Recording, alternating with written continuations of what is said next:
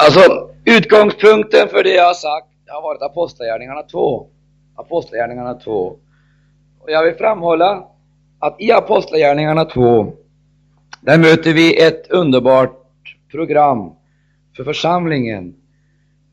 Och vi ser hur den heliga Ande för fram de här tingen på ett sådant sätt att eh, det blir klart för oss att Apostlagärningarna 2 är mera än ett referat, det är mera en historia. Den heliga Ande hade ett digert material, det skedde kolossalt mycket, men materialet bantades ner till det som var eh, absolut nödvändigt för församlingen. Och därför kan vi säga så här att Apostlagärningarna 2, det är lika mycket profetia som historia. I Apostlagärningarna 2, där har vi helt enkelt församlingens idealmönster för mötesliv, för församlingsliv. Och vi ser också hur de olika delarna alltså flyter samman i eh, ett förundligt och härligt komplement.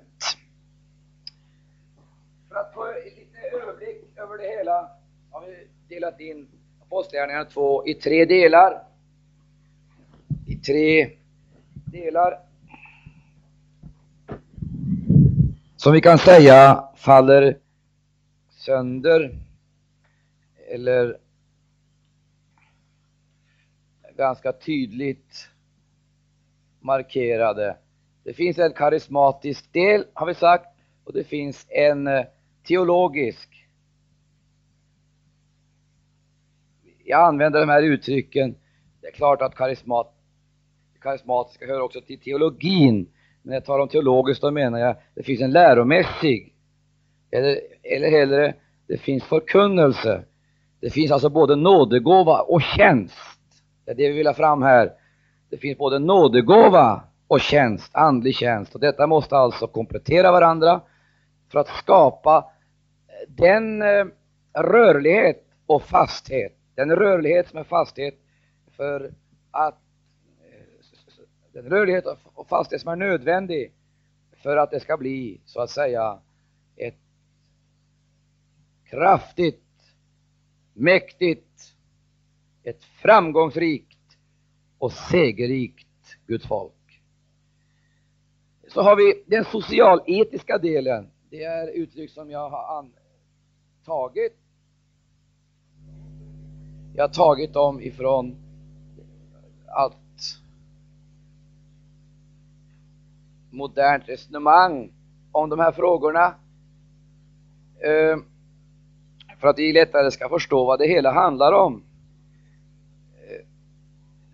karismatisk del, det är en teologisk del och det är en socialetisk del. Nu vet vi att det finns människor som förälskat sig i det här.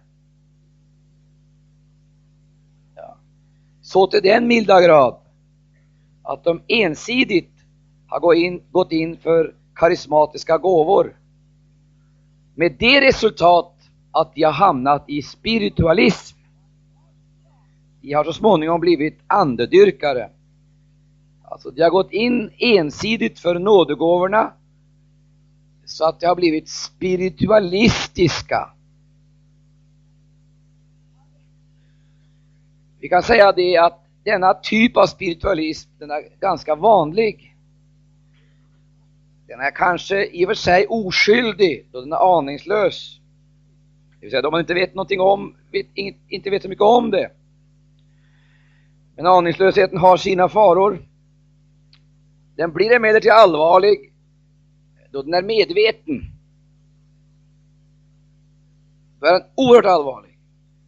Då blir man mer eller mindre offer för andemakter. Det vill säga, hör här, då blir man medial. Man blir ett medium för inspirationer. Man blir ett medium för inspirationer. Och då låter man sig ledas av inspirationer det kan vara så att man låter sig ledas utav eh, profetior eller eh, uppenbarelser eller syner. Det är ju helt uppenbart att Gud vill ge oss profetia, uppenbarelse och syner.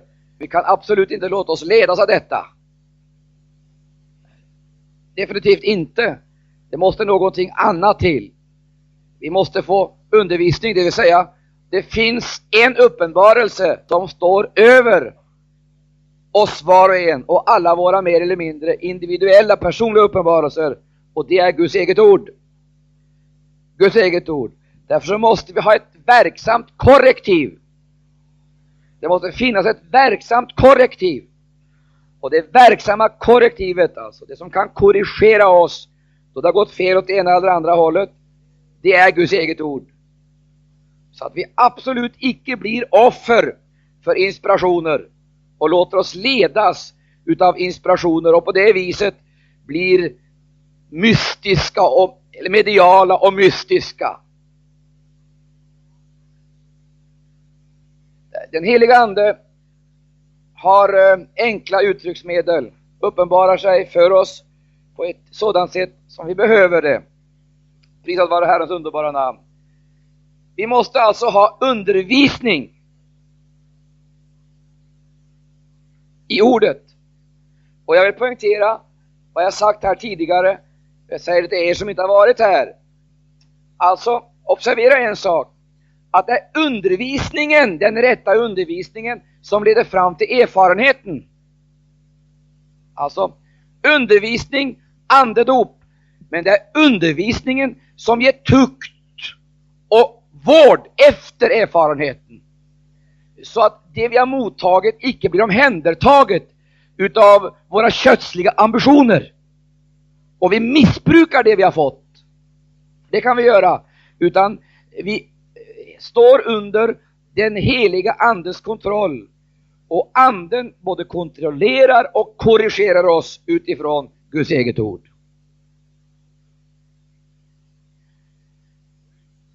Prise Gud. Till den här teologiska delen hör eh, en femfacetterad förkunnelse. Det beror ju på att anden uppenbarar genom gåvorna, men Herren genom tjänsterna. Det handlar hela tiden om förkunnelse. Det är förkunnaren apostel, det är förkunnaren eh, evangelisten, det är förkunnaren profeten, det är läraren och herden. Och om vi eh, så att säga spelar ut det ena mot det andra, gåvor mot tjänsterna eller olika tjänster mot varandra, då hamnar vi i ensidighet. Eller så rycker vi loss en sektor av helheten och styckar på det viset Kristi kropp.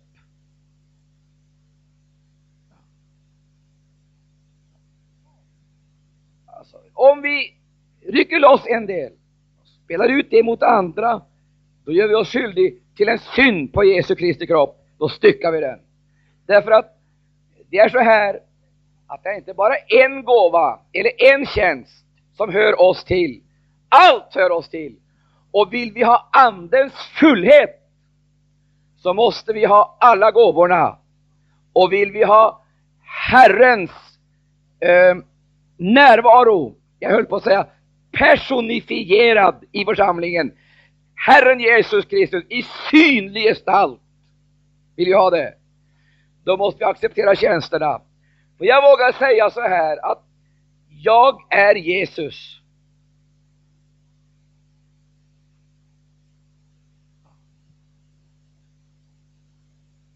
Det vill säga, skulle Jesus vara här så skulle inte han få kunna något annat än det jag gör.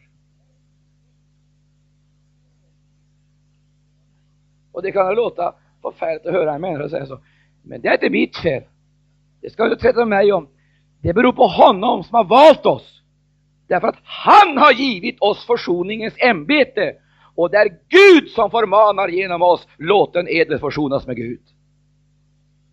Det vill säga, vi är ambassadörer med direktiv Vi är ambassadörer med fullmakter och vi har fått ett kreditiv. Vi överlämnar vårt budskap åt världen, åt människorna och vi anbefaller oss åt Jesus Kristus. Och i den urkristna församlingen så fattade man det här på ett rätt sätt.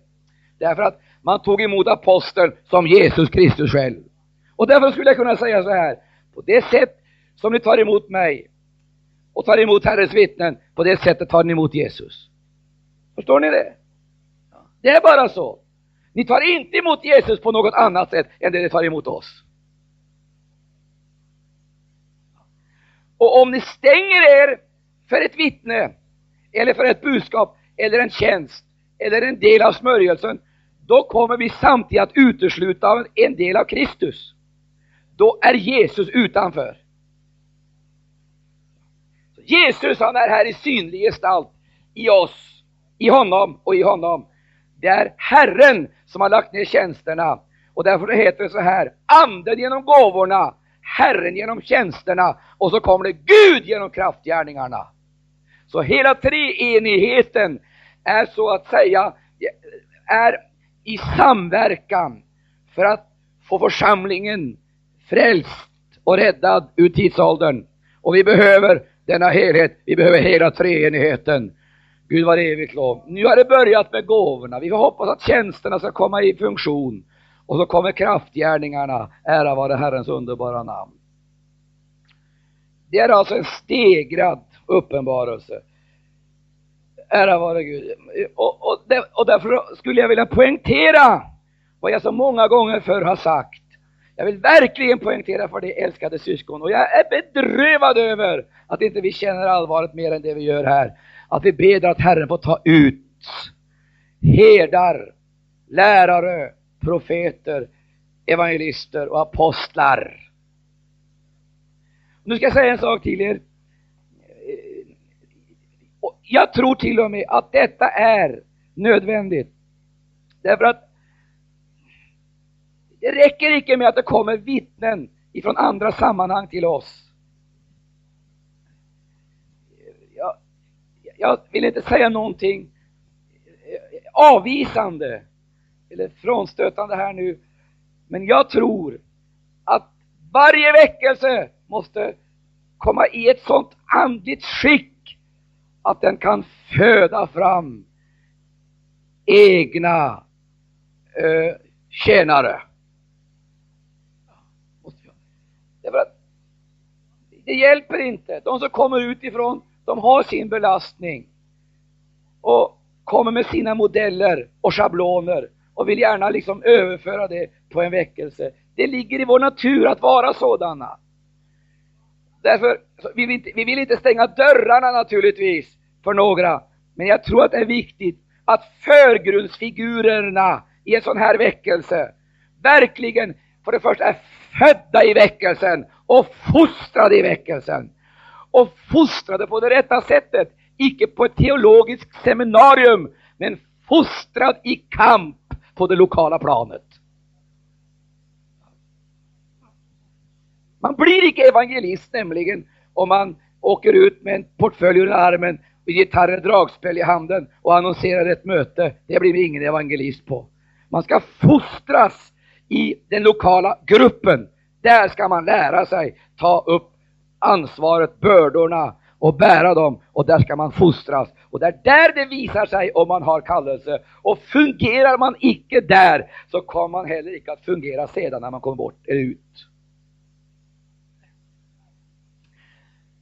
Jag, jag, jag vill betona det här en gång till. Kära älskade syskon, låt oss be till Gud att vi får de här eh, tjänsterna i funktion. Det kan väl inte vara något fel att vi ber till Gud om apostlar? Herre, ge oss församlingsapostlar i olika delar av landet. Halleluja, som kan vara med och lägga grunden och bygga upp nya församlingar. Halleluja, åh oh, halleluja, åh oh, halleluja. Tack för denna heliga och härliga församlingsrörelse. Prisat vare Herrens underbara namn. Ge oss evangelister som begriper det, att deras uppgift är inte att fungera istället för församlingen som administratörer, organisatörer eller regissörer utav, utav möteskampanjer. Utan vår uppgift, allas uppgift är den här att göra det heliga skickliga. Vi ska göra det heliga skickliga att bygga upp Kristi kropp, att fullborda det här underbara tjänarvarvet. Vi är inte artister som fungerar istället för, utan vi fungerar tillsammans med. Och vi kan inte fungera ovanför eller på sidan om. Utan vi måste fungera mitt inne i. Då blir det slagkraft, effektivitet. Och om vi får den här, det här sinnet att församlingen, den lokala församlingen ska fungera, då kommer vi istället för en, två, tre eller fyra världsevangelister fått tusentals lokalevangelister som kommer att fungera miljoner gånger bättre än en världsevangelist.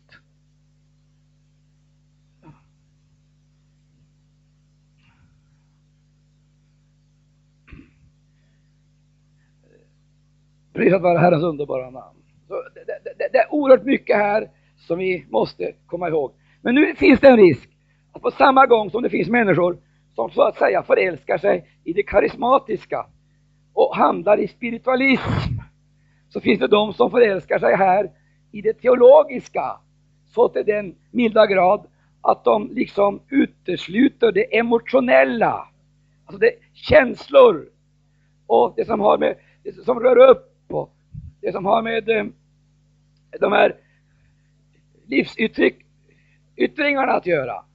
De är rädda för det och därför så har de en, eh, en stadig och en eh, färdig liturgi som man följer bokstavstroget från början av gudstjänsten till det slut.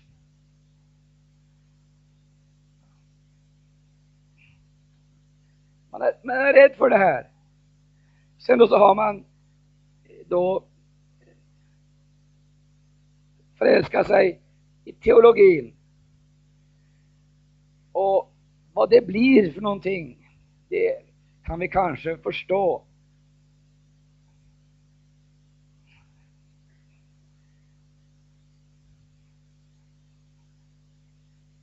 Ja, det må sägas. Det finns väl ingenting som är så vedervärdigt som torr teologi. Och torr teologi är fruktansvärt och ännu värre är det med torra teologer. Alltså det, det, är något ohyggligt. Alltså det finns ingenting som är så ohyggligt som att lyssna på människor, så att säga, som har, eh, som har teologisk lärdom, men liksom inte andligt liv. Det är något fruktansvärt. Jag måste jag känner det kryper i hela kroppen. Jag har svårt att sitta stilla, alltså när man hör deras teologiska utläggningar, betraktningar, föredrag, eller vad man vill kalla det för någonting. Det, det, det, ja, det kan vara bra i och för sig naturligtvis för de som vill studera. Men gott folk, församlingen är ingen akademi. Den är ingen akademi. Det är den definitivt inte. Och den får heller inte förvandlas till en akademi. Nej, det får den inte. Därför måste få kunsten, den, som jag sagt, den måste vara naturligtvis vara dagsaktuell och levande. Det måste den vara. Och inspirerande. Det måste den vara. Undervisande. Vägledande. Men, men, men. Det finns många kristna som, som, som, som har karismatiska möten. Små bönemöten eller eh, någonting ditåt. Och, och kan vara i sådana sammankomster en och två och tre timmar kanske i veckan. Men inte orka sitta och lyssna på ett bibelstudium. Förstår du? Men å andra sidan så finns det sådana som kan lyssna på ett bibelstudium. Men inte orka med ett bönemöte.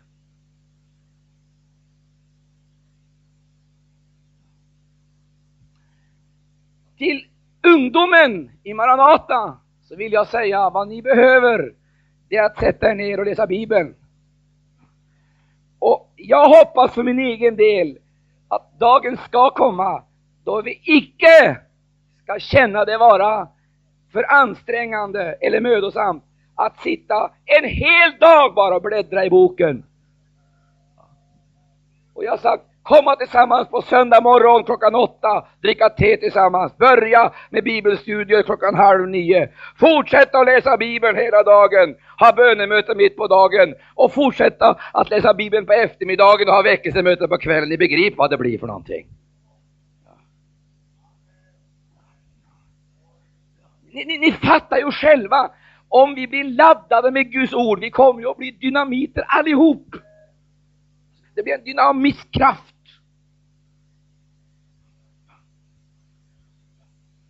Det är någonting annat än att komma tillsammans till en högtravande förmiddagsgudstjänst. Förmiddagsgudstjänst är bra, men jag skulle säga komma tillsammans klockan åtta på morgonen. Sätta sig ner bara och läsa Bibeln. Vad säger ordet? Sitta hela dagarna, hela dagen. Börja kanske på söndag morgonen med te klockan åtta. Och, och, och bibelstudium halv nio. Bibelstudium fram till elva. Då man har förmiddagsmöte. Sen har förmiddagsmötet över, ha kärleksmåltid. Ha kärleksmåltid. Sen när kärleksmåltiden är över, ja, en vilopaus. Lägga sig till ro en halvtimme och sen fortsätta att läsa Bibeln. Och sen ha väckelsemöte. Ni, ni kan själv begripa vad det blir för någonting. Ni fattar väl det här?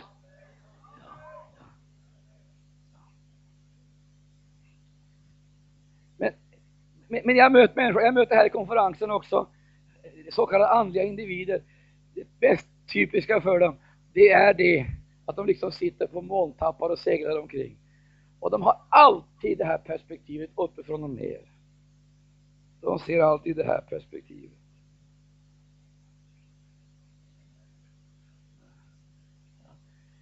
Men den som söker sig in i skriften, han har inte det där uppifrån och ner. Han har det här nerifrån och upp. Halleluja. Och seglar inte omkring, flaxar inte omkring på det där viset. Utan har en helt annan stabilitet, helt annan stadga. Ja, vi avslutar det här. Jag har sagt det här till de som har anlänt sedan vi var samlade här sist i bibelstudien. Kom ihåg en sak. Specialiserar du dig här så hamnar du småningom i spiritualism. Specialiserar du dig här och utmönstrar det så hamnar du i intellektualism. Intellektualism. Då blir det torr snustart, torr teologi och det blir intellektualism. Och då kan du, då kan du naturligtvis ha ett visst intresse för eh, teologikandidater och andra akademiker, men kan inte livnära en Guds församling. Eller hålla, så att säga, en Guds församling i liv. Och församlingen kommer heller aldrig att kunna föda andliga liv. Aldrig. Den församlingen blir så småningom som ett månlandskap. Det kan se vackert och lysande ut, men det är dött. Det är så kallt så inget liv kan existera där. Och det fruktansvärda är detta att det är oerhört många människor som har hela teologin här uppe. De älskar det här, teologi, men vill inte ha någonting med det här att göra. Det underbara vore att teologin fick flytta en våning ner. Pris Gud. Flytta en våning ifrån hjärnkontoret och så ner i hjärtat. Så vill jag säga en annan sak till oss allesammans, det gäller oss för övrigt allihop. Jag skulle nästan kunna tänka mig det, att om 10% av vår teologi blir omsatt i erfarenhet, då är revolutionen ett faktum.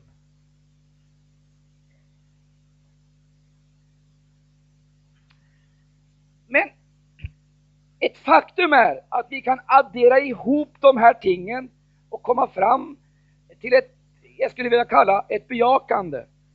Här ligger väl kanske inte det största problemet, men det är här det börjar på verkligt allvar. Därför att jag har en känsla av att de flesta utav oss, i varje fall är det så med de flesta kristna, också de andedöpta, uppfattar den sista delen av Apostlagärningarna 2 eh, som en sladd dithängt mer utav en tillfällighet. Det är en fotnot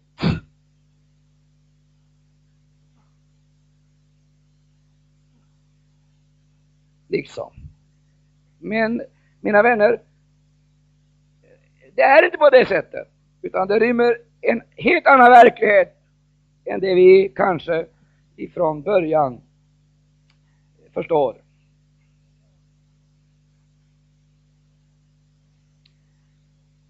Om jag nu skulle gå ut och säga åt världen nu har anden fallit. Nu ska alla tala i tungor.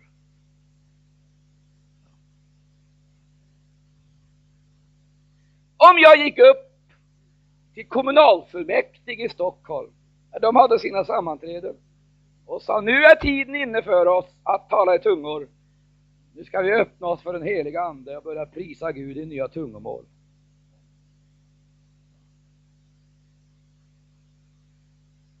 Och, eller jag skulle gå till en idrottsarena där det var samlat tiotusentals människor och begära att få säga några ord till människor. Jag skulle säga, nu är tiden inne!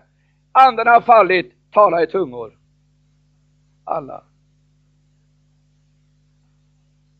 Eller vi skulle säga åt människor som sitter på teatrar, biografer, konserthus, i skolor, på anstalter och alla sammanhang. Vi skulle gå in och säga, anden har fallit, nu kan ni börja tala i tungor.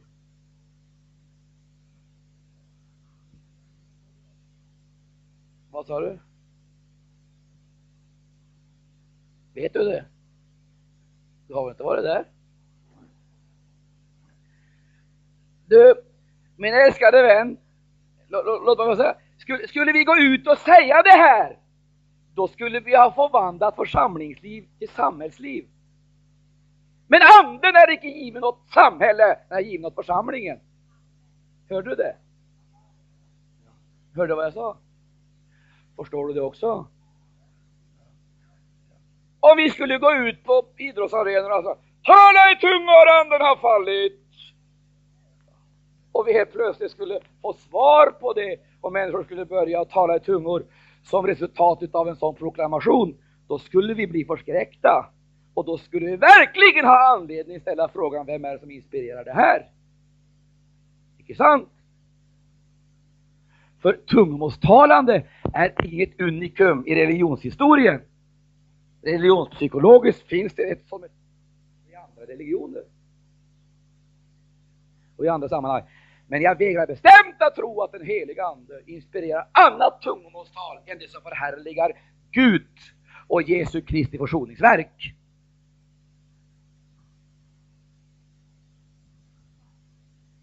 Men jag, jag, jag, jag håller mig till det här för att du ska förstå sedan varför jag gör det.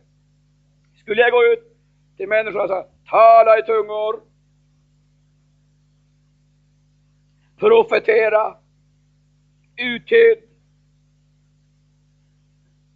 då skulle förmodligen hela kristenheten säga, nej det, det, det, där, det där stämmer definitivt inte. Det skulle man nog säga. Men du, nu vill jag säga. Men den heliga Ande, den är icke given åt världen. Hörde du vad jag sa? Den heliga Ande är heller aldrig given åt organisationer. Den heliga Ande har icke blivit given åt något samfund. Den heliga Ande är given åt individer som tillsammans kommer att utgöra församlingen. Den levande församlingen. Prisa Gud. I en och samma ande är ni alla döpta till att utgöra en och samma kropp. Det finns i den heliga Andes uppenbarelse kraft till livsmeddelelse, så vi blir födda på nytt genom den heliga Ande. Men det finns också kraft till tjänst, både livsmeddelelse och kraftmeddelelse. Och jag vågar säga, även om det finns de som går emot detta, jag hävdar med bestämdhet, förutsättning för andligt liv, det är naturligtvis att bli född på nytt. Förutsättning för tjänst är att blir smord av den heliga Ande. Det är det enda sättet på vilket kroppen kan fungera. Och jag skulle vilja säga, den helige Andes inneboende är egentligen själva blodcirkulationen i kroppen. Det är det som cirkulerar. Halleluja, därför så måste vi se till att alla kanalerna är öppna, så det inte finns något propp i systemet. Det är en liten propp, hur liten den än kan tyckas vara, åstadkommer elände för hela kroppen. Det ska cirkulera. Och det finns ingen, finns ingen kvalitetsskillnad på det blod som rinner i de periferiska lemmarna och i det centrala. Det är bara kvantitetsskillnader.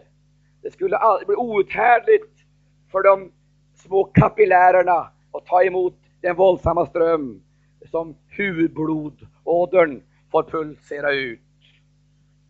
Det är ingen kvalitets kvalitetsskillnad, det är kvantitetsskillnader.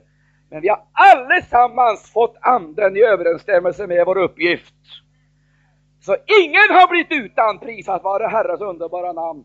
Vill du komma in i en gudomlig och andlig funktion så kommer också livet att cirkulera, att förmedlas genom dig. Och här har du egentligen det som är det centrala i vår uppgift. Det är att förmedla liv. Att förmedla liv.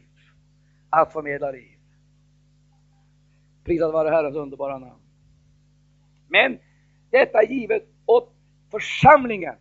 Och det finns absolut icke i världen, för världen kan icke ta emot den heliga Ande.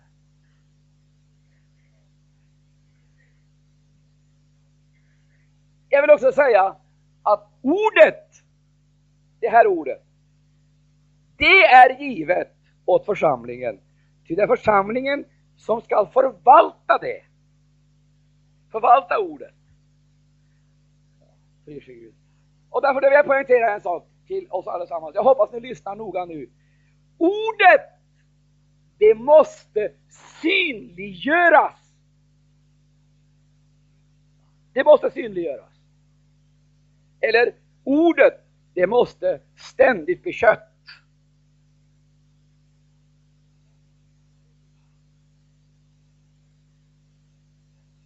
Vi kan använda några teologiska termer eh, jag använder de här avsiktligt alltså, för att ni får höra så mycket bland människor som är ute och, och, och håller högtidliga föredrag. Nu ska vi slå hårt på deras termer och ska vi se vad de har för någonting. Vi ska plocka fraserna av dem så de inte kan komma och gömma sig bakom dem längre. Vi, vi, hör talas om sådana saker som, som, som detta, att tro på Jesus. Vi ska komma till tro på Jesus. Detta att tro på Jesus, det handlar ju om, som, som teologerna säger, identifikation. Man identifierar sig med honom. Och i, i, igår kväll här i tältet så öppnade Herren ett helt nytt perspektiv för mig. Jag har läst Bibeln i många år. Men när jag stod på knä här tillsammans med en av våra ungdomar som brottades med sin sjukdom i sin kropp och låg här och, och grät. Vår unga syster, hon har eh, sockersjuka. Fått besked om det under den sista tiden. Och jag förstår att hon är ganska sjuk. Och hon har känt en väldig nöd i sitt hjärta att eh, få, eh, få tjäna Jesus. Hon har varit ett utav, jag skulle vilja säga, våra tacksägelseämnen. Därför att hon har haft en sån väldig nit för Guds verk. Vår unga syster som, jag vet inte, hon är väl 18-19 år. Yvonne, hur gammal är hon? hon är, är du här Yvonne? Är du här Yvonne? Eh, res på dig Yvonne, så jag ber till Gud för dig. Det är Yvonne, hon har fått besked om att hon är sockersjuk och hon har varit väldigt plågad. Ja, nu låg hon här igår kväll och grät och alla hade lämnat tältet och var ensam kvar. Och jag gick dit bort och böjde mig vid henne och då upplevde jag någonting märkligt och då fick jag, fick jag i ett enda ögonblick, ska jag berätta det här för dig Yvonne? Då fick jag ett enda ögonblick se någonting som jag inte sett förut. Identifikation. Vet ni vad jag upplevde?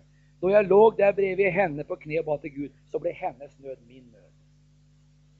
Det blev helt och hållet. Jag blev sockersjuk. Det blev, det blev min nöd. Och, och det med identifikation har varit ett vackert namn, men då kände jag vad det vill säga.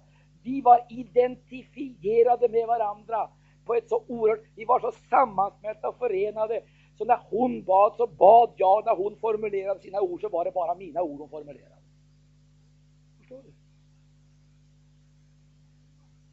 Så vi var helt identifierade med varandra i nöden. Och då kommer det ett ord till mig. Så här. Det kommer ett ord till mig. Vi ska gråta med de gråtande. Inte sant? Och där har du identifikationen igen. Va? Men så ska vi vara glada med de som är glada. Står det inte också att vi ska sörja med de som sörjer? Och vad är det för någonting? det är det att vi är så identiskt förenade med varandra så att din nöd är min nöd. Och det är inte bara att jag säger det, men när du lider så har jag samma nervsystem som du, så jag lider också. Och kroppen har nerver! Och när du fröjdar dig och blir glad, så är det mitt tacksägelseämne. Därför att vi, vi, vi är ödesförenade med varandra. Och detta upplever vi, så vi har en känsla av, det är som om jag flyttade in i din kropp. Blir du förskräckt? ja, kärring.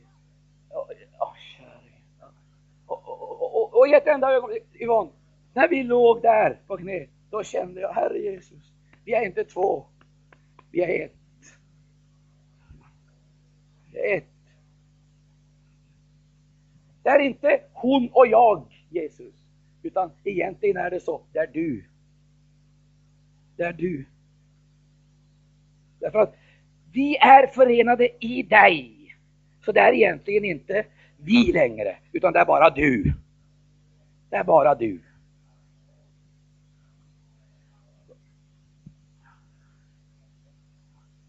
Och nu ska du få höra, denna identifikation som jag kan uppleva här, den möjliggörs genom den heliga Ande. Och, och, och, och jag, jag, får beskriva det här ytterligare. Det är precis, förstår du, som vi flöt ihop, smälte samman.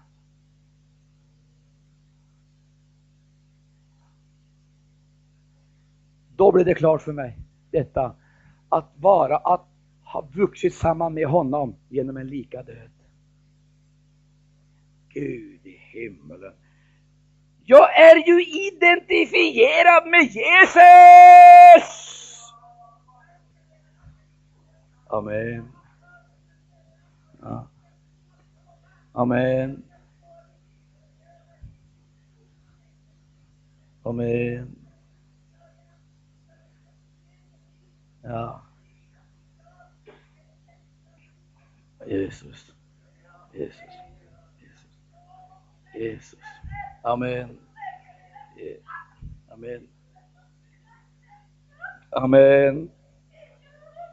Amen. Amen. Amen. Amen. Jesus. Jesus. Jesus.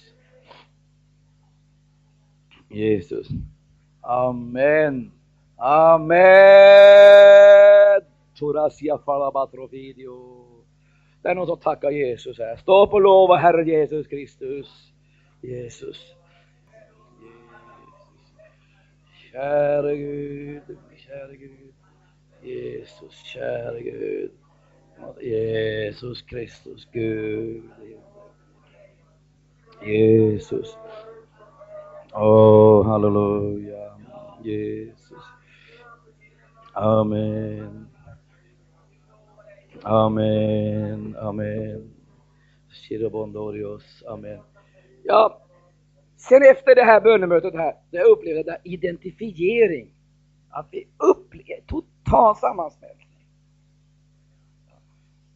Jag flyttade ju naturligtvis inte in i hennes kropp. Inte alls. Men vi var i anden så förenade.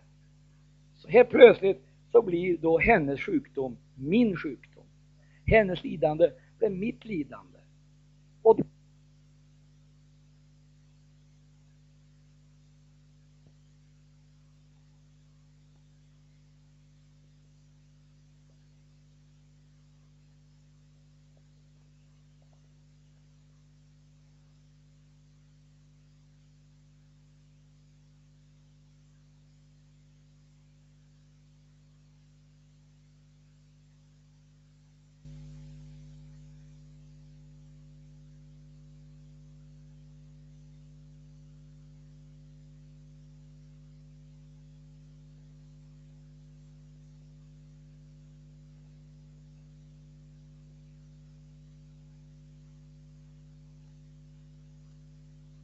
då skedde det omedelbart en avlastning. Bördan fördelades. Och så fick hon lindring. Halleluja. Åh, jag skulle kunna tagit Yvonne på armarna och burit henne omkring. Här är en underbar och härlig dans till Herrens ära. Men jag, Gorasia Falavadio. Chakaramandi, älskade syster, tänk vad underbar Jesus är emot oss. Ja. Och Risicano la dosipi preparasi carolovodios. Och Ransiato palavedorios. Ja. Halleluja. Orintokidio. Åh, oh, jag kände syster, vi tillhör Jesus Kristus som har vunnit seger. Och då upplevde jag triumfen.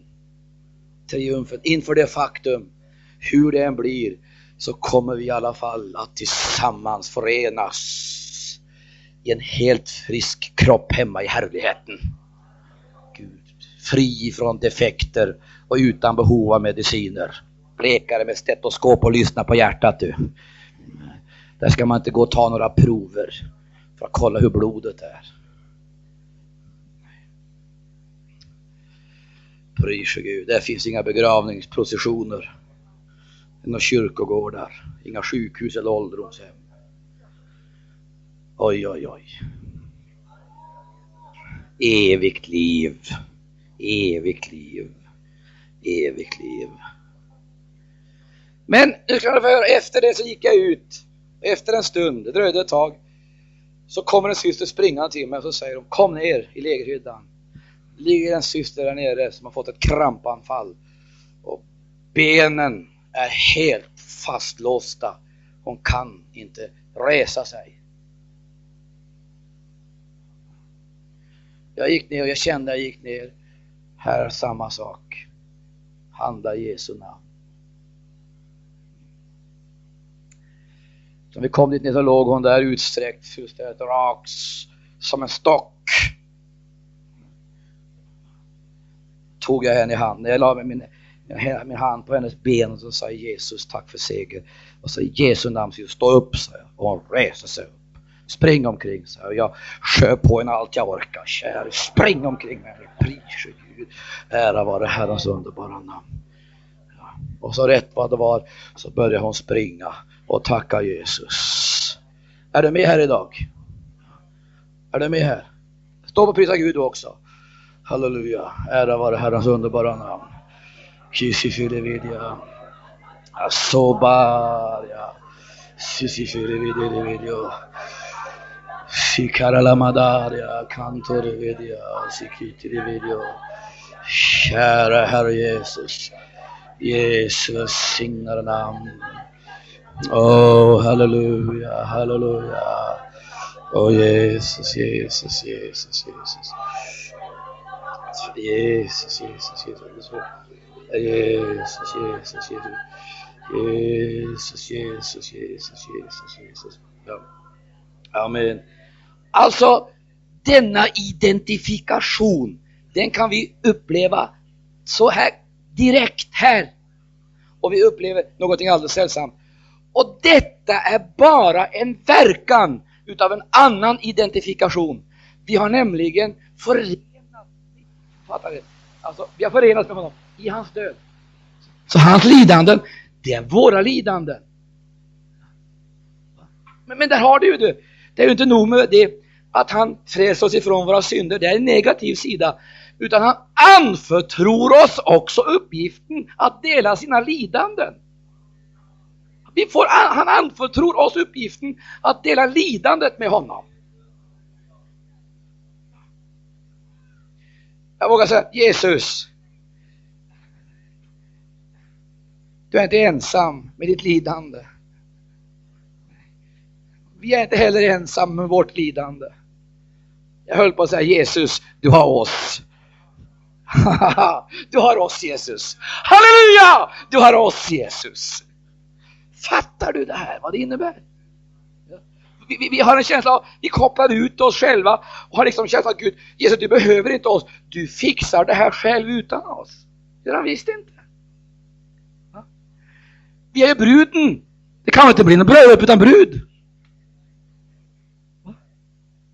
Det kan det väl inte bli? Vi är ju drottning! Det blir väl ingen helhet om den ena delen saknas? Och Vårt förhärligande, församlingens förhärligande, är nödvändigt. För återställelsen. Och för frälsningsverkets fullbordan. Så det är inte bara det att vi behöver Jesus, Jesus behöver oss. Jesus behöver du oss. Han behöver mig. Han behöver dig. Du heter av sin själs, genom sin själs vedermöda skall han se frukt och varda mättad. När blir sonen mättad? När frukten kommer hem. Halleluja.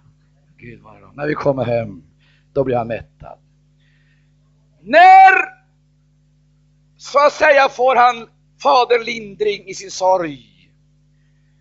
Och där, när bruden går in i Saras tält, när Rebecka går in i Saras tält och när församlingen går in, Gud vare lov, då är upprättelsen Då är vi identifierade. Du, vi är identifierade med honom och hans lidande. Och detta upplevde jag så oerhört. Men gode Gud, här ligger vi ett litet bönemöte, två stackars människor och brottas med sjukdomsproblem och så ett enda ögonblick så visar du oss ett oändligt perspektiv av en våldsam härlighet och skönhet. Jesus Kristus, vi är ju förenade med dig, vi är identifierade med dig. Så jag gick hem och identifierad med Jesus, identifierad med Jesus, identifierad med Jesus, identifierad med Jesus, identifierad med Jesus, halleluja, identifierad med Jesus.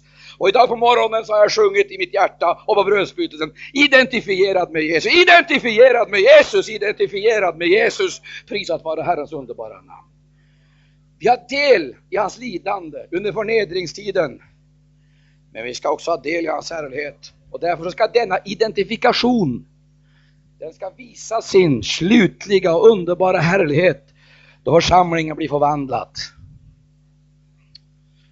Så vi ska förhärligas med Jesus och då handlar det också om identifikation. Det vill säga hans härlighet och det har inte med syn att göra, synsätt eller betraktelsesätt att göra. Så vi ser den härligheten och försöker efterlikna den.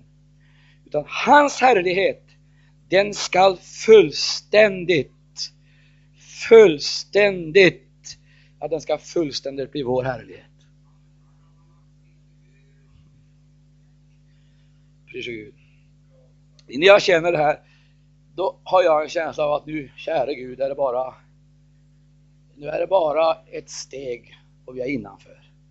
Sån kraft finns det i det här budskapet.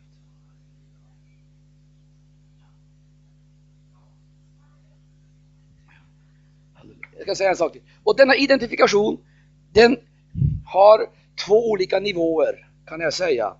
En i himlen och en på jorden.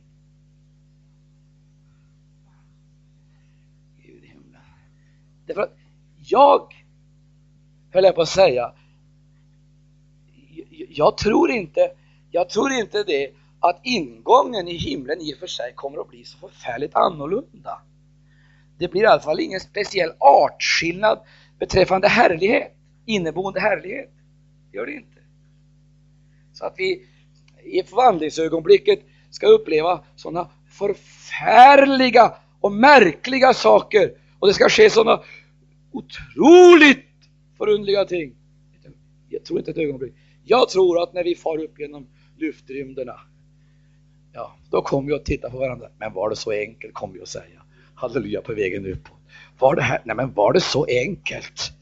För du lägger märke till det, att då en människa blir född på nytt, när hon kommer till tro på Gud, innan hon blir född på nytt, då är allting så krångligt och svårt och omöjligt. Men sen när hon blir född på nytt, då säger nej men var det så enkelt? Stämmer det inte? Var det så här enkelt?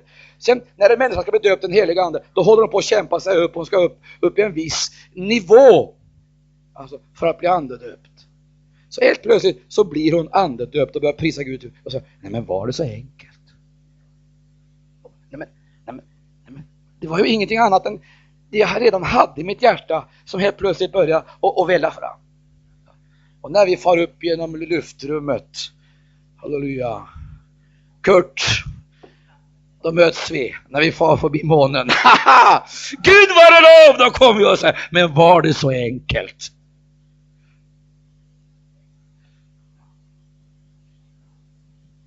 Det är som vi har varit ute på en lång resa och så kommer vi hem. Vi vet att det är ju så att människor talar om guldgator och all den härlighet som finns där.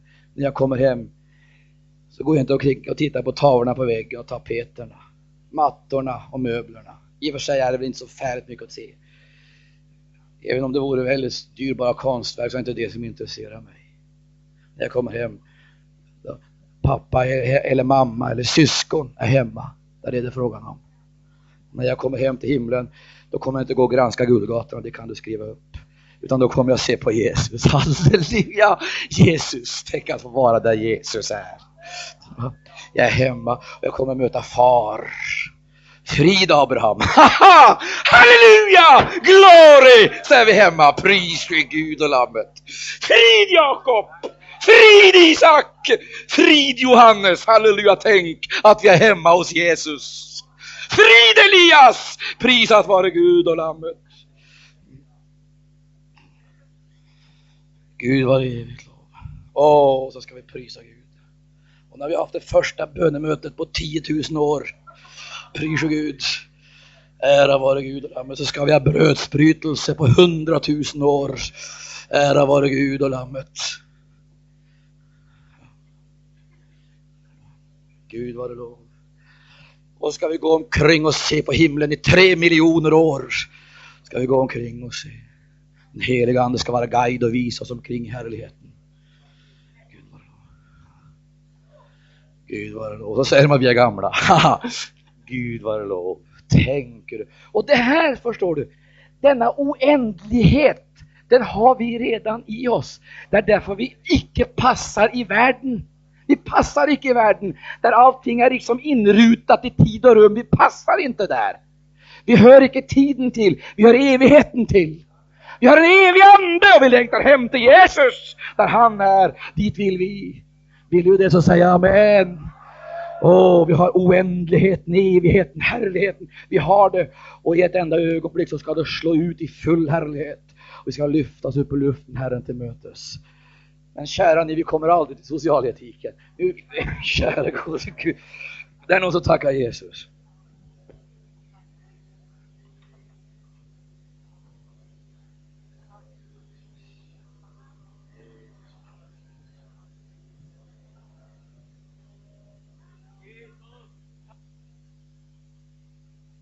Amen. Jesus. Så är vi då förenade med honom i en död i hans död. Förenade med honom i hans uppståndelse. Eh, men det är inte bara det att vi ska identifieras. Det handlar också om inkarnation, som teologerna säger. Inkarnation. Det vill säga, vi är förenade med honom och vi är införsatta med honom i den himmelska världen. Men Jesus är också på jorden. Vi är i himlen, i honom. Men han är på jorden i oss. Han är på jorden i oss. Och därför när vi, när vi talar om att vi vill se Jesus, då gör vi oss skyldig ofta till ett misstag. Vi, vi börjar liksom och, och, och, och vi, vi, börjar liksom och, och, och försöka att se. Det, slags, det kallas för ett slags skådan, kontemplation heter det. Vi försöker, vi, försöker, vi försöker hitta honom inne i oss någonstans. Alltså, se honom, vi försöker, vi försöker se honom i, i en känsla vi har fått eller i en uppenbarelse eller någonting och vi söker för att se honom. Och så säger nu nu, nu, nu, nu såg vi honom. Alltså, det här är ju helt överdrivet, det förstår var och en, men jag, jag, jag gör det här för att du ska förstå. Nu, nu. Nu ser vi honom.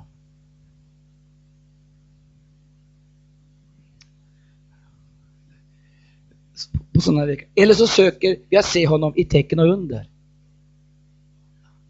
Vi vill, vi vill se honom i tecken och under. Vi vill absolut se honom. Nu har jag sett Jesus. Säger vi då. Min älskade vän, detta är felaktigt. Därför att vi söker på ett felaktigt sätt. Nu ska vi höra. Jag ser Jesus. Precis här jag står nu ser jag Jesus. Tänk att jag ser Jesus. Precis nu ser jag Jesus. Var två eller tre är församlade i mitt namn, där är jag. Jaha. Ja. Vi får känna efter.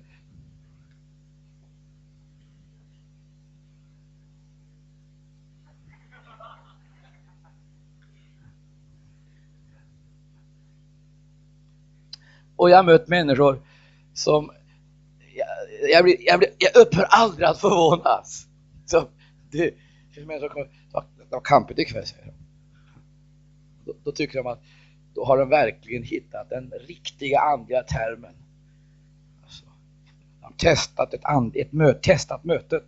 Och då har de förmodligen suttit och testat sångarna, så har de testat predikanten och så har de testat stämningen. Och så har han kanske tittat i sig själv. Och så, ja, vad kampigt möte ikväll. Nästa möte så kom det någon som gav dem en knuff på det ena eller andra sättet. Fick en stöt helt enkelt. För det är vissa människor som måste behandlas på det sättet.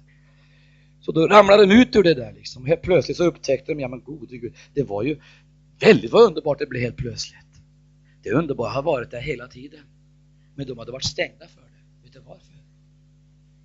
De hade varit isolerade omkring helt andra saker.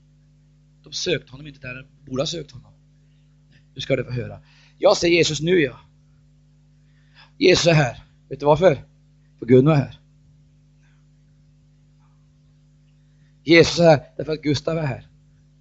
Tala om för en sak, där sitter Jesus.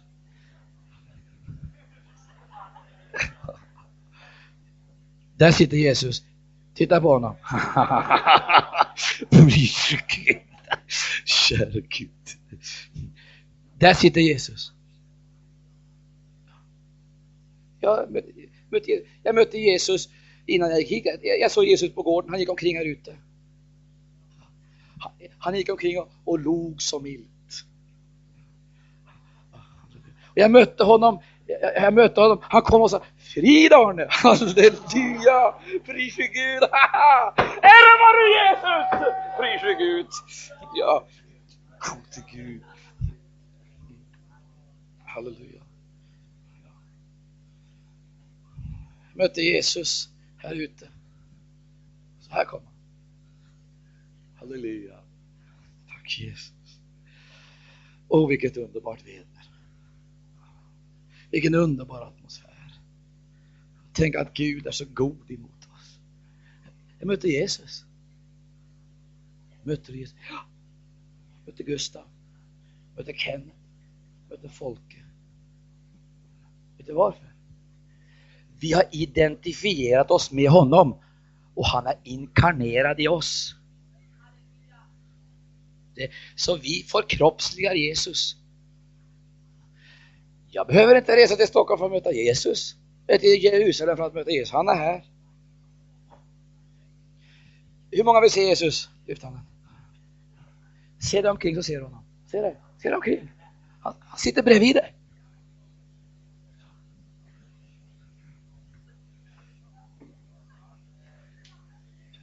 Va? Ja. Tror du inte amen? med! Halleluja. Ja. Karasikolevidoria. Prisa Jesus! Lova hans underbara och härliga namn. Han är skönast framför tiotusen och han bor genom tron i våra hjärtan. Ära vare Är det sant så säg amen. Han är här. Men så mötte jag också, jag mötte också en annan mötte också en annan.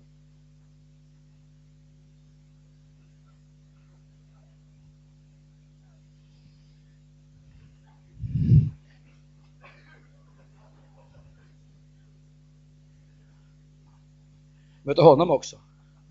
Han var ute och tassade här också, men hade ingen makt. Han hade ingen makt. Han hade ingen makt.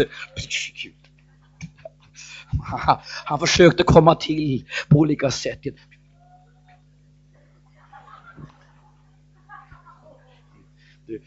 Men han hade ingen makt. Vet du varför? För Jesus var där. Halleluja, ära vare Gud. Jesus var där. Han var där. Amen, halleluja, glory! Och där Jesus är har Satan ingen makt.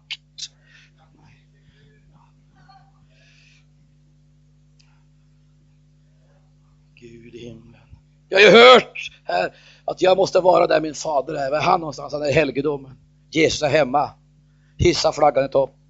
Kungen är hemma. Han är i församlingen. Du är säker, du är trygg.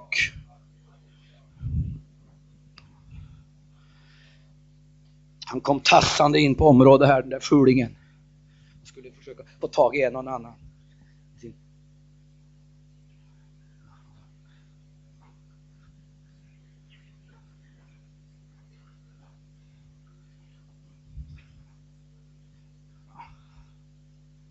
tänkte jag ska ta dem tidigt så att de inte hinner möta Gud innan de åker härifrån. Utan åker hem och säger, ja, vad var det jag kunde tänka mig när det är slut på dem.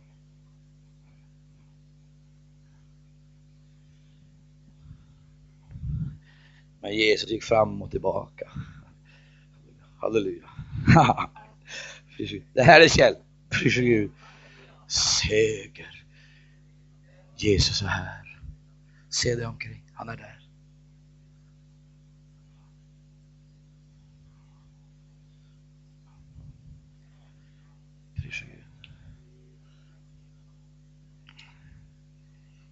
Ni får tacka Jesus en stund, jag får vila några minuter. Är förenade med honom och han har tagit gestalt i oss. Han har tagit inkarnation. Han har förkroppsligat sig i vårt liv. Han bor i oss. Jag, han bor i oss, vi är förenade med honom. Han är i oss. Vi gestaltar, vi förkroppsligar, vi förverkligar honom. Och därför min älskade vän, hör här vad jag säger till dig nu innan vi går vidare. Hör här vad jag säger till dig. Det är därför så underbart att där har icke vi bara i hoppet, vi äger i tron. Och därför säger Hebreerbrevets elfte kapitel, första vers. Jag har läst alltid som det står i den gamla, i den svenska, i Bibelkommissionens översättning. En annan översättning förtydligar det. I vår bibelöversättning tron är en fast, en fast tillförsikt om det som man hoppas. En övertygelse om ting som man inte ser. Men i den här bibeln som jag har här, där står det tron är ett förverkligande av det man hoppas.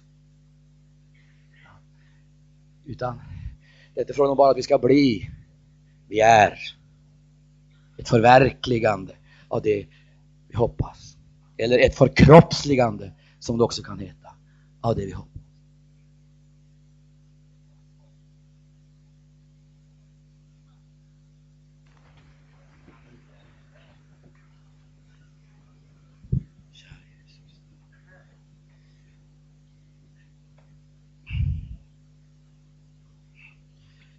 Vi har talat här om inkarnation och inkarnation det är ju synliggörelse.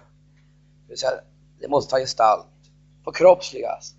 Och detta är oerhört viktigt att detta blir synliggjort. Alltså gåvorna blir synliggjort genom funktionerna man talar i tungor. Teologin, alltså den blir förkunnad med ord. Men teologin, den måste också förkunna, förkunnas genom liv. Säga, om, om vi frigör de här delarna ifrån detta, eller frigör det här ifrån dem, då får vi ett eh, filantropiskt program, ett reformprogram och här ligger själva olyckan. Man har liksom frigjort de här delarna från varandra, tagit bort den ena eller de andra ifrån den tredje. Och så har man tagit den här delen och liksom gjort ett samhällsprogram. Va? Och så tror man det att man kan förvandla samhällsliv till församlingsliv genom att åberopa Nya Testamentet. Men detta är ju ingenting annat än ett falsarium. Därför att det bygger ju på fullständigt felaktiga premisser. Förutsättningen för allt sammans detta, det är ju anduppfyllelse. Icke sant? Och lika lite som man kan säga att den heliga Ande bor i världen och hela världen talar i tungor, lika lite så kan man naturligtvis säga att den här delen hör världen till. Den hör församlingen till. Vad kan vi säga? Församlingen ska vara andesmord genom gåvor. Församlingen ska få kroppsliga tjänsterna genom förkunnarna naturligtvis. Och församlingen ska synliggöra allt sammans detta i någonting konkret och gripbart som till art, observera så här, som till art, alltså till sitt väsen är helt skilt ifrån allting annat i världen.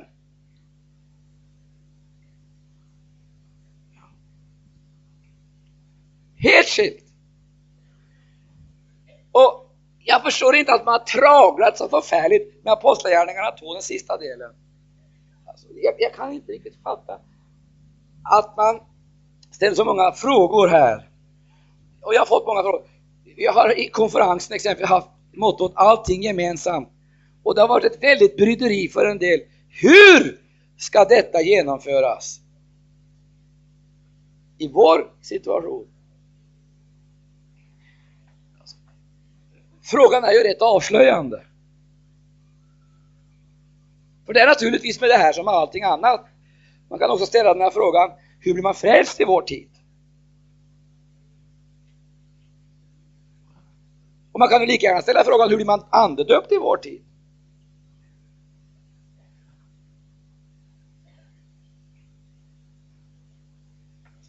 Vi, vi, förstår ju att det anden har fört fram, det har den ju fört fram därför att det finns möjlighet att förkroppsliga det. Men det här problemet inställer sig därför att olyckan är den att vi, vi, vi, vi har liksom accepterat ett mönster för vårt liv som vi tror är kristet helt enkelt. Och när vi ställs inför efterföljelsens krav och villkor, då upptäcker vi att det finns ju enormt mycket i vår närmaste omgivning som fullständigt fullständigt omöjliggör efterföljelse om vi ska få bli lojala emot det sammanhang som gör anspråk på vår lojalitet. Jag ska, ta, jag ska bara ta en sak, och lyssna nu noga till vad jag säger, för jag vet att jag nu kommer att beröra ett område där det säkerligen inte kommer att bli riktigt så mycket lovsång som under det tidigare. Eh, hör här. Vi hörde ett ord citeras igår.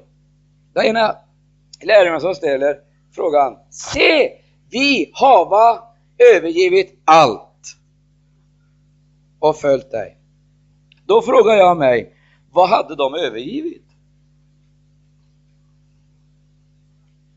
Se, vi har övergivit allt som har allt som var vårt och följt dig. Då frågar jag, vad hade de övergivit? Befann sig de här människorna i någon slags särställning? Låg det här på det rent symboliska planet? Så att, eh, som vi säger, vi frigöres liksom i vårt inre ifrån våra egodelar så vi står liksom i ett oberoende förhållande till det. Det har alltså icke något inflytande över oss, något direkt inflytande. Då blir det så att säga en symbolisk handling mera än en realitet. Eh, vi har övergivit allt som är vårt och följt det. Men nu frågar jag, hade de övergivit far? Rejält? Eller eh, symboliskt? Hade de övergivit sina nät rejält eller symboliskt? Hade de lämnat allt? Ja, naturligtvis hade de det. De hade gjort det bokstavligt. Inte sant? Och följt Jesus.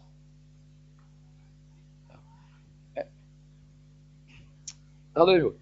Och därför så frågar han, eh, sen vi har, eh, har följt, övergivit allt som har vårt och har följt det. Då säger Jesus, han svarade dem, sannerligen säger jag er det, ingen som för Guds rikes skull har övergivit hus eller hustru eller bröder eller föräldrar eller barn. Ingen sådan finnes som icke ska få mångfaldigt igen redan här i tiden och i den tillkommande tidsåldern evigt liv. Och jag vill att ni ska följa med mig här nu en liten stund när, när, när jag försöker besvara den här frågan.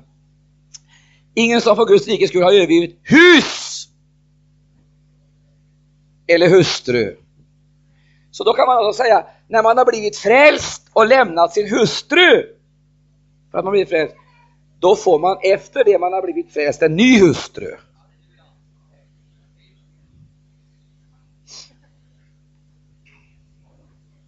Är det så?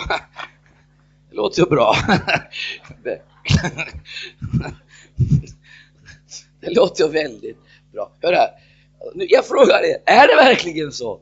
Alltså man blir frälst eller, och så börjar man följa Jesus. Då lämnar man sin hustru och så lämnar man sina barn. När jag blir frälst, nu lämnar jag dem för att sen när jag blir frälst, då får jag en ny hustru och nya barn. Men inte är det väl på det sättet ändå? Det kan det väl inte? vara? Är det det?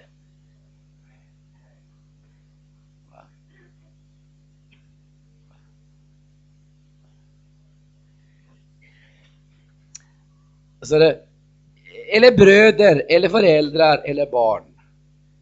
Jag lämnar dem och så får jag nya bröder också. Då. Men då måste jag få nya föräldrar också. Ja, men det måste jag få om jag ska få nya bröder. Det måste jag ju få. Amen!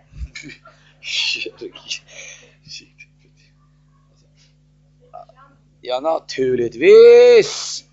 Ja, det är, ju, det är ju det det handlar om. Det är ju det det handlar om. Vad sa Jesus när han stod och knackade på dörren? Och så sa de, dina bröder, din mor och din bröd, dina bröder är här utanför och väntar på dig söker dig. Vad sa han då? Nej men se här, sa han, är mina och, och, och. Halleluja. Vilka är det som är det? Va? Nej, vad sa Jesus? De som gör min himmelske faders vilja är mina. Och om jag nu överlämnar mitt hus alltså, då lönar det sig att bli frälst. Om jag får ett nytt hus, det är klart, har jag dåligt hus så klart jag blir frälst. Begriper du väl? Ja, fattas annars, så klok är jag väl. Så kan du lösa på det Det är klart jag ska bli frälst. Så jag får ett hus, får bil och har en dålig bil så får jag en bättre bil när jag blir frälst. Har du hört något sånt?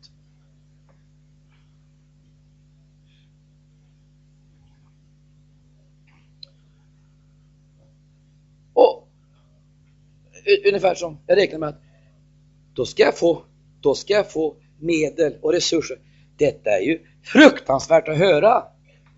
det är klart vi kommer i en annan ställning, får ett annat utgångspunkt. Om vi har lyfts upp ifrån träsket och kommit i en annan position. Men vi har da sannerligen inte därför fått någon rätt att exploatera någon för egen räkning. Utan har vi då fått mera så ska naturligtvis det omedelbart omsättas i mission så flera som är i träsket kan vinnas. Förstår du det här? Men hör här, för all saknad och för all försakelse som efterföljelsen leder oss in i finns det full kompensation hos Jesus. Och var finns den någonstans? Det ligger inte heller i det där, i, i, i det där konstiga och, och, undliga planet. Lika litet som det finns i, i hus och, och kronor. Utan vad det handlar om, jag har ju fått alltsammans detta i, i käran. I, vi, vi, vi, vi var åtta barn hemma. Som sagt, sju systrar har jag. Som jag sagt tidigare, det förklarar en hel del. Alltså, eh, sju systrar. Ni förstår att man har överlevt.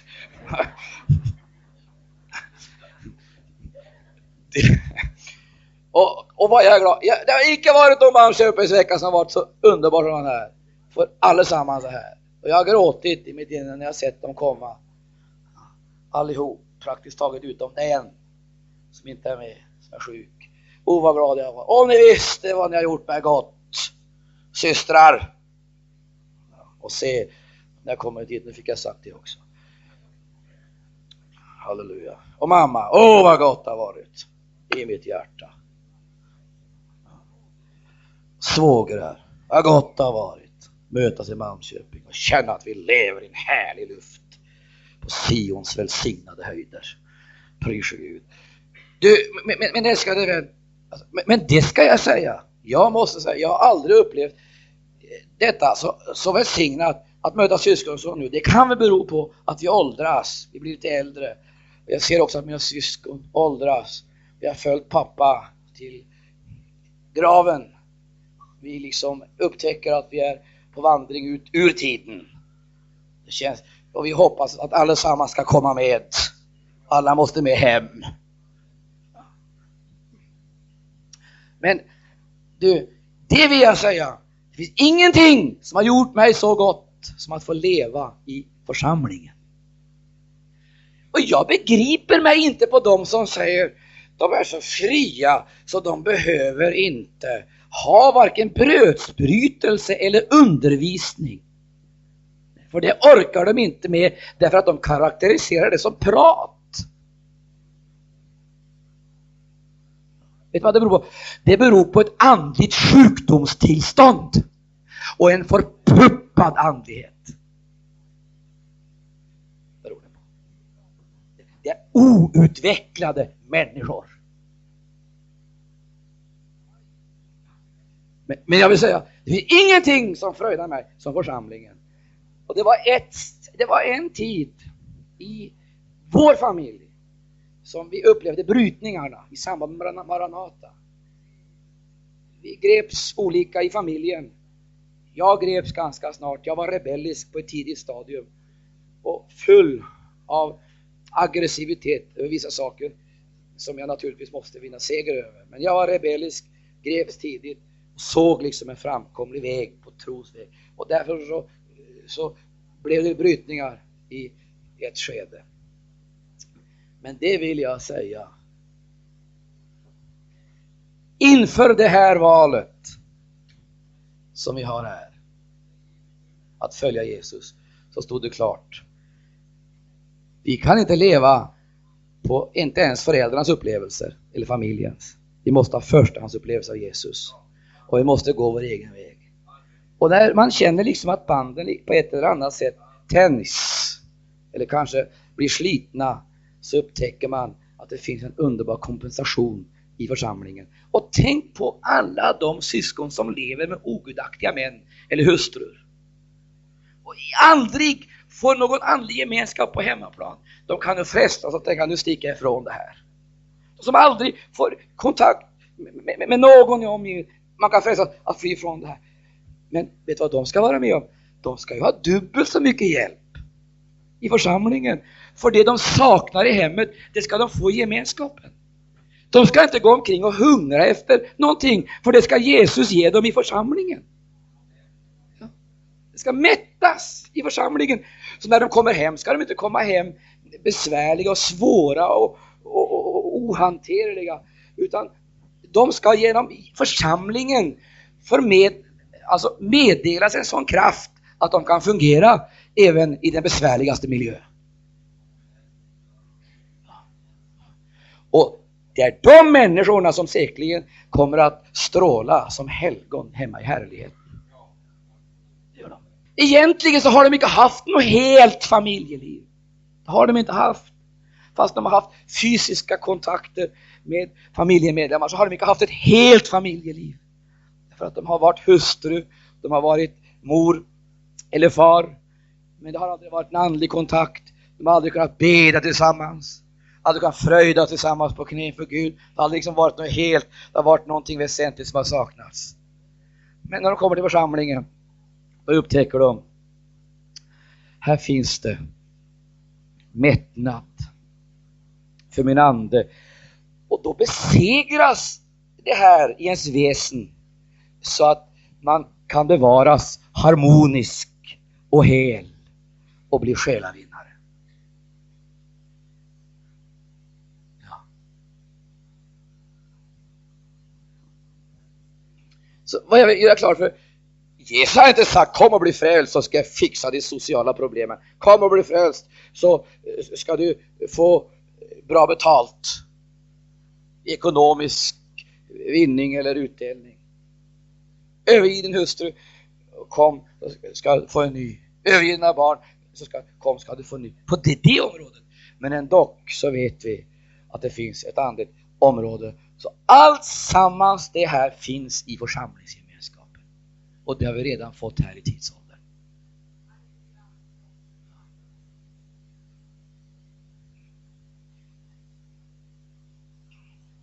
Pris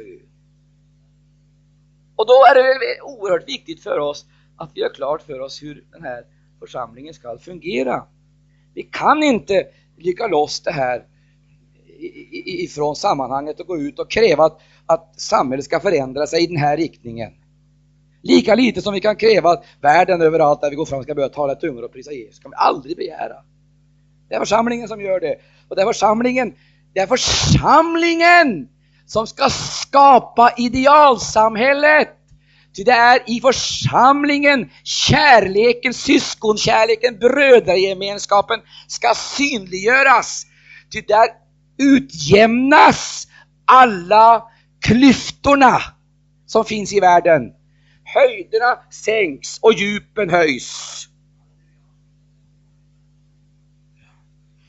Så åldersklyftorna försvinner. Här är det inte gammal och ung församlingen. Så att man måste ha, man må, må, må, måste skilja på dem. Vi skickar de yngre in där och de äldre ut där. Och, och de medelålders där. Detta tillhör världen. Men i församlingen är en sådan ande verksam att alla kan vara med. Och alla kan fungera. Både barn och spelarbarnsmun har han berett sig ett lov. De kan vara med och prisa Gud. Och även om inte de, dessa barn begriper ett enda dugg av det som sägs ifrån predikantens mun, så känner de i atmosfären hur det är. De känner det. Och för övrigt, de ser det också på sina föräldrar. För de ser på mamma och pappas grimaser hur det är i mötet. Det kan jag tala om för dig. De ser precis i ansiktet. Är, eh, tycker föräldrarna det är tråkigt och de själva är tråkiga, så känner de det i atmosfären och då börjar de som regel att skrika och bli oroliga.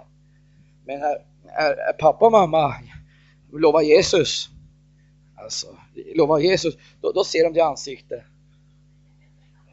Då, då, då, då, känner de det. Förstår de ingenting så förstår de på ansiktsuttrycket och känner det på atmosfären. Är det en god atmosfär så känner de det. Det är det. det, är det. Och är det en svår och vansklig atmosfär och, och, och mycket elakhet i luften, då känner de det. Och de Det vill säga barnen, de blir medier för dessa makter och de får kroppsliga det på det sättet att de börjar hoppa, bli oroliga och de börjar skrika och väsnas och det blir en massa spektakel med dem.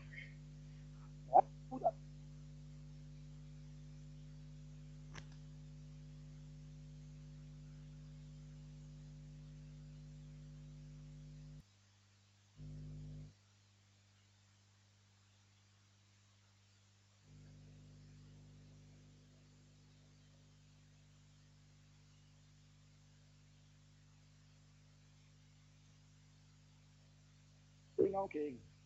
Han bara springa omkring. Och det gör inte så värst mycket. Nu ska inte föräldrarna tro att man kan släppa loss barnen för jag säger det här. För det finns möten där man måste hålla barnen på ett speciellt sätt därför att Guds ande vill tala till människor så att alla deras sinnen behöver vara inriktade på själva budskapet. Men i stort sett så känner barnen hur det är i atmosfären, om det är en god atmosfär, då trivs de. Har du inte sett, har du inte sett hur bara trivs i riktiga väckelsemöten? Har, har, du inte sett det? Har inte sett hur de håller på? Och sen har de sina underbaraste växelmöten när vi är på arbete. Då har de det hemma i vardagsrummet. Då sätter de upp sina små stolar och sätter sina dockor på stolarna och, och, och, och, så sjunger de på dockorna och omvänder dockorna och döper dockorna också. Prisat vare Herrens underbara Detta, ja, ja, Alltså, detta är ju fantastiskt! Det är helt underbart! Ja. Döper dockorna och lägger händerna på dem och helbrägda gör dem. Och det, det, det är gode Gud! Så går det till alltså.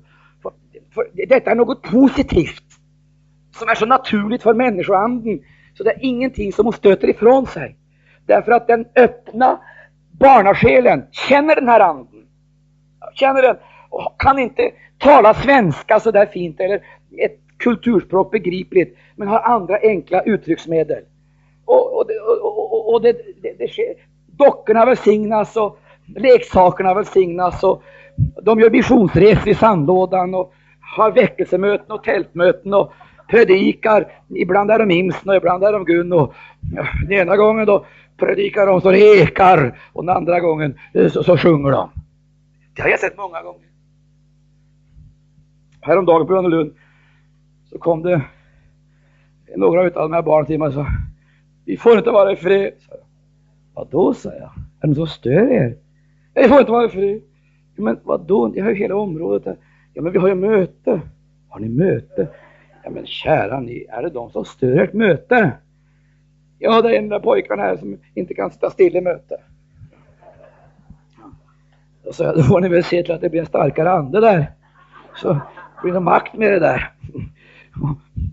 Ja, men måste vara fri. Ja, jag ska säga till honom då att han håller sig lugn så ni kan ha möte. Och de har haft möte varje dag. Har de haft möte. Och det har varit enkla naturliga möten och de har, de har prisat Gud och där alla kunnat vara med. ena har legat och krupit ut efter golvet i kyrksalen där och den andra har suttit i en annan hörna och så har det varit några stycken som har haft möte. De har varit predikanter och missionärer, sångare och profetisser, de har varit alltihop. De har sålt tidningar och de har varit ute i allt detta. Förstår du? Det, det, det är ingenting i det här som stöter dem. Den ofördärvade barnasjälen tar emot det här. Och detta är ju så underbart. Prisad vare Herrens underbara namn. Att vi får ha det så. Det vill säga, jag kunde tänka mig att det skulle komma omedelbart efter. Det är god atmosfär här.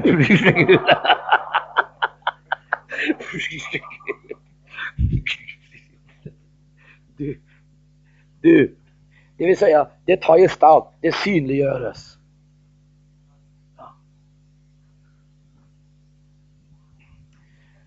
Och världen, jag frågar mig, vad ska de se på? Det står om Kristusbrev, kända och lästa av alla. Vad ska de se på? Du, då de hör de, då de, hör de kristna, så vad resonerar de? de om skattetrycket, om momsen, eller imsen, vilket nu. De resonerar om allt detta som är oväsentligt och ovidkommande. Därför att de är inne i någonting jag vill kalla religiös villervalla och andlig meningslöshet. De, de, de resonerar om allt detta. Och, och, de har inget positivt att ägna sig åt en kverulans. Det är folkmoralen. Det är socialismen. Det är skolan. Surt, surt, surt, surt. Och tänk när allt detta sura samlas på ett och samma ställe i ett politiskt parti. Då begriper vi hur det blir.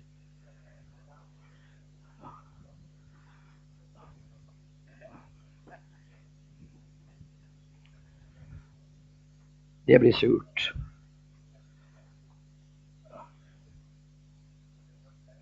Det är kverulans. Och, och, och, vet ni, så går man ut i samhället och kräver av samhället att det ska göra ting som församlingen inte har lyckats med. Va?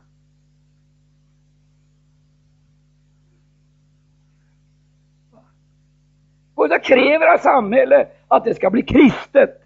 Det är ju rena sadismen. Nu är det väl det. Vi har sannerligen jobbet vi som vill leva för Jesus. Tänk på de som inte har den här kraften utan möter kraven. Vi har ju kraften, vi har korsets kraft, men det har ju inte världen. Och så möter de då kraven, du ska vara kristen, ska leva som kristen, fast du inte har något kristet liv. Det är ju sadism. Och kräva av samhället kristen moral, det är ju, det är ju en orimlighet. Därför att samhället har aldrig varit kristet och kommer aldrig att bli det. Samhället kommer icke att kristnas, men det kommer att demoniseras. Det kommer att ske. Men vad har man istället gjort? Man har gått ut och krävt av samhället att de, att samhället ska fungera som om samhället vore kristet istället för att se till att det här genomförs i församlingen. Därför att i församlingen måste med nödvändighet en utjämning komma till stånd. Så klyftorna utjämnas, generationsklyftorna, för det första. De sociala klyftorna och de, jag skulle vilja kalla kulturella klyftorna och det som eventuellt skulle kunna ha med bildningsnivå att göra. Det måste försvinna. Och vi måste få bort allt det där med societet. Alltså, som vi har hållit på och odlat på ett fint sätt. Societeten i kören och det sämre här i strängmusiken. Och så sorteras de här. Här är kören där, vet det bättre folket. Jag sjunger på söndag förmiddag. Du ska veta du att det är fint när kören kommer. Ja, det gode Jag förstår att Gud ler.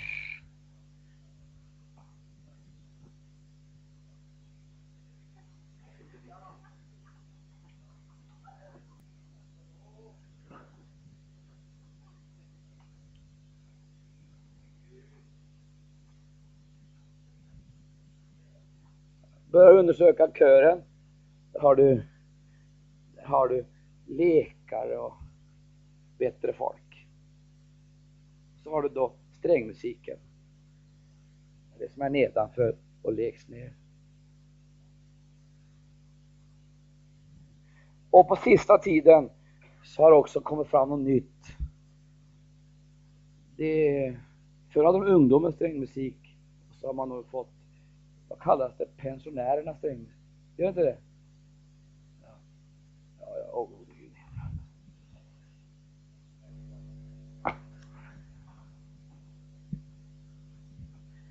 Alltså, alltsammans det här måste ju bort, det fattar vi ju. Det måste ut! Det hör inte Guds verk till, sånt där. Sånt där prål. Bort med det där! Och jag kommer vi in på ett ämne här som ju egentligen är väldigt betydelsefullt för gudstjänstlivet. Och genom det här så uttunnas ju gudstjänstlivet. Man lär människorna bara se på, se på artister och uppträdanden. Vår uppgift måste vara istället att få församlingen att fungera. Det är inte körsång vi behöver utan församlingssång. Hela församlingen, det är den bästa kören. Och jag är inte heller så 100% övertygad om att det är rätt att låt säga strängmusiken ska stå upp och sjunga och pacificera församlingen på det sättet. Utan jag brukar som regel se till att strängmusiken sitter. Jag vet heller inte om det är riktigt att lyfta upp strängmusiken, det kan missuppfattas och markera oriktiga saker. Kanske vi istället skulle sänka ner strängmusiken och lyfta upp församlingen. Och låta församlingen sjunga på strängmusiken. Och utav det här så, så följer också att man måste ha kyrkosångare och sådana som kommer en minut före de ska uppträda och går en minut efter de har sjungit sista sången. Då har de gjort sitt. Detta är ju, ni måste ju förstå att det här hör inte hemma i Guds rike. Det hör definitivt inte hemma i församling. Absolut inte. Det där måste bort. Men det är inte bara de sakerna som måste bort. Med det här måste också en, många, en, en massa andra saker bort. Och det måste, det måste ske en, en utjämning. Eh, det finns, jag skulle vilja kalla det toppar. Så här. Ja. För närvarande har jag inte den tron att jag tror att jag tror strängt taget inte att de som är här i vårt land behöver så värst mycket mera. De klarar sig. De som lever här, de som har det här. Det här måste bort! Det måste bort på ett rätt sätt. Det vill säga, det måste in i mission. Missionsarbete. Det måste förvandlas till mission. Vi, ska, vi, vi kan börja med några konkreta exempel. Tiden har gått här nu och jag ska avsluta med några konkreta exempel och ska återkomma om jag får ta eftermiddagen också. Tillåter ni det? Får jag ta eftermiddag så säger ni ja. Ja, tack ska ni ha. Jag, jag, jag känner att jag måste få fram det här. Va? Ja. Oh, ja. Oh, ja. Var försiktig du. Du kanske går helt utplundrad hem hördu. du. du, du min, min, min, min, min broder och syster, låt mig få säga det till dig här. Låt mig säga det, det här måste bort. Det måste absolut bort.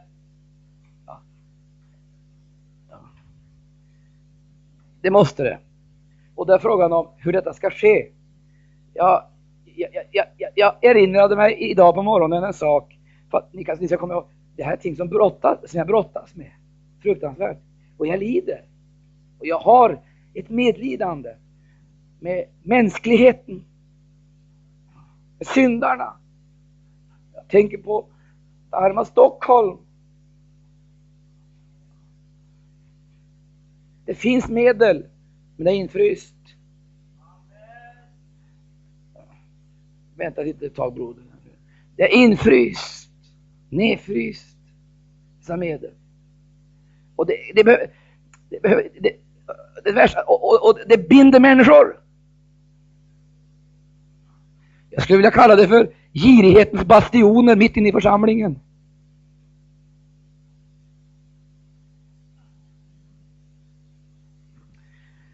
Jag erinrar mig idag på morgonen en sak. Jag bjöds till ett hem där eh, en eh, man ville bjuda på middag. Kom hem där och han, han har alltid talat så väldigt om väckelsen den här mannen. Väldigt om väckelse och helbrägdagörelse i alla toner. Det fanns inte ett tillfälle han inte talade om helbrägdagörelse. Kom jag hem där och fick jag se på väggarna. Där var det konst för hundratusentals kronor. Hundratusentals kronor. Han gick omkring. Och så, och så visade, titta där sa han. Och så visade han på namn. Jag är ju helt analfabet. Jag känner ju inte en konstnär. Jag visste ju inte ett dugg vad det var för någonting. Jag får säga precis som det var. Jag är ju fullständigt bortkommen. Men han, den 5000, den 20 000. Så när han var färdig så sa jag, jag ser så att du har väckelse på väggarna här, sa jag. Va? Vad sa du, sa Ja, jag ser att du har väckelse på väggarna här, sa jag. Vadå? Jo, jag ser att du har hängt upp väckelsen på väggarna, sa jag. Har jag hängt upp väckelsen? Vad menar du?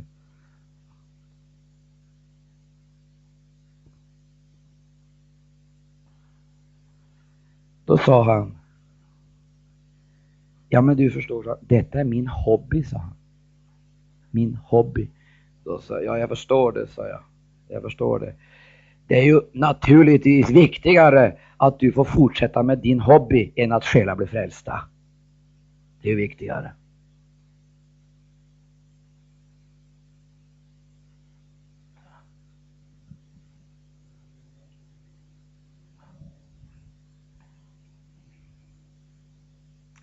Här har vi suttit den här veckan. Det är säkert att vi har suttit här och talat om väckelse, väntat på väckelse och bedit om väckelse. Du, det är inte säkert att vi har hundratusentals kronor på väggarna hemma. Men så mycket vet jag. Skulle vi samla ihop det vi inte behöver, vill säga, vill säga utan att vi offrar någonting, skulle vi skära av vårt överflöd. Det vi icke behöver, det vi genom successiv välståndsökning har glidit in i utan att vi egentligen har märkt det själva. Skulle vi låta det gå till Guds verk så skulle det bli bara av den här samlingen hundratusentals kronor till missionen.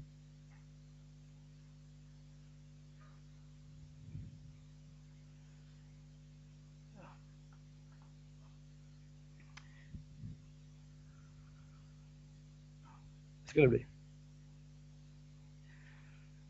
Syskon, jag är glad för att se er här i Marköping.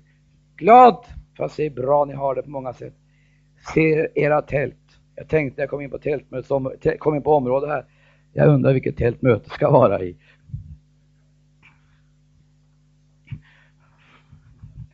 Det ena tältet var ju större än det andra. Men gode Gud i himmelen, har de tänkt ha husförsamlingar här på Malmköping i år?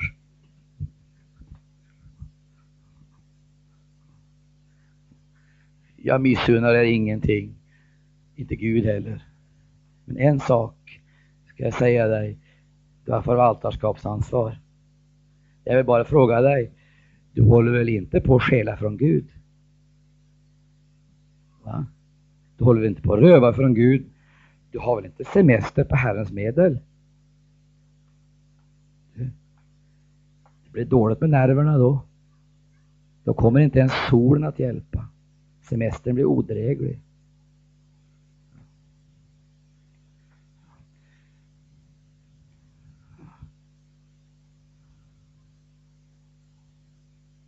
En del säger, jag gör så gott jag kan, säger en del och tror, då har du rättfärdigt. Det räcker inte.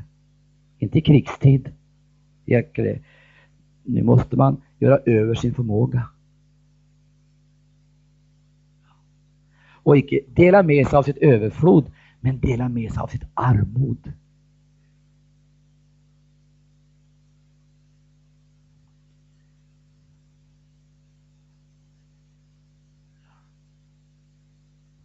Det det handlar om. Och vi har börjat så smått på Johannelund. Börjat i storfamiljen som inte är någonting annat än ett mirakel. För vi lever som vi lär i det här sammanhanget. Ingen har lön, icke någon. Men det arbetas från morgon till kväll. Ungdomarna går ut, en del går ut, Gunno sticker iväg på morgonklockan fem, sex och, och, och städar klockan till halv tio. Raka spåret hem för att åka hemifrån till Gamla Bro och arbeta fram på eftermiddagen för att åka hem en liten stund och förbereda sig för mötet på kvällen.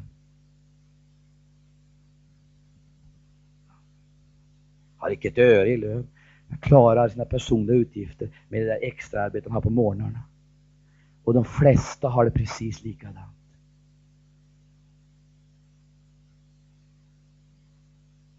De har ingen lön ungdomarna, men de betalar för hyra. På logi och mat i månaden omkring 550 kronor och arbetar dessutom. Men jag har sett vad detta har varit hälsosamt. För vi har lärt oss en ny matematik. Förr så räknade vi kronorna i lönekuvertet och försökte få det att gå ihop, det gick aldrig ihop. Nu har vi lärt oss ett femte räknesätt. Nu räknar vi med Gud. Halleluja.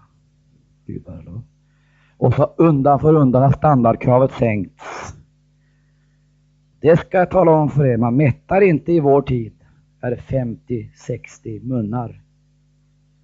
Utan att det blir problem. Det har alltid varit så fett för oss heller, det ska du veta. Men Herrens välsignelse har aldrig uteblivit.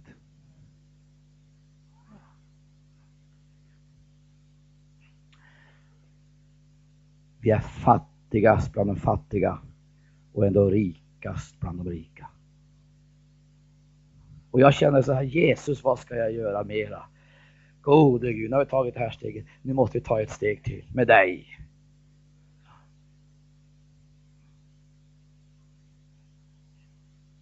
Ja, säger du, men inte kan vi väl alla flytta till Johannelund? Nej, det får ni inte. Det är bestämt ifrån. Men vi kan komma in i givandet och i givandets tjänst.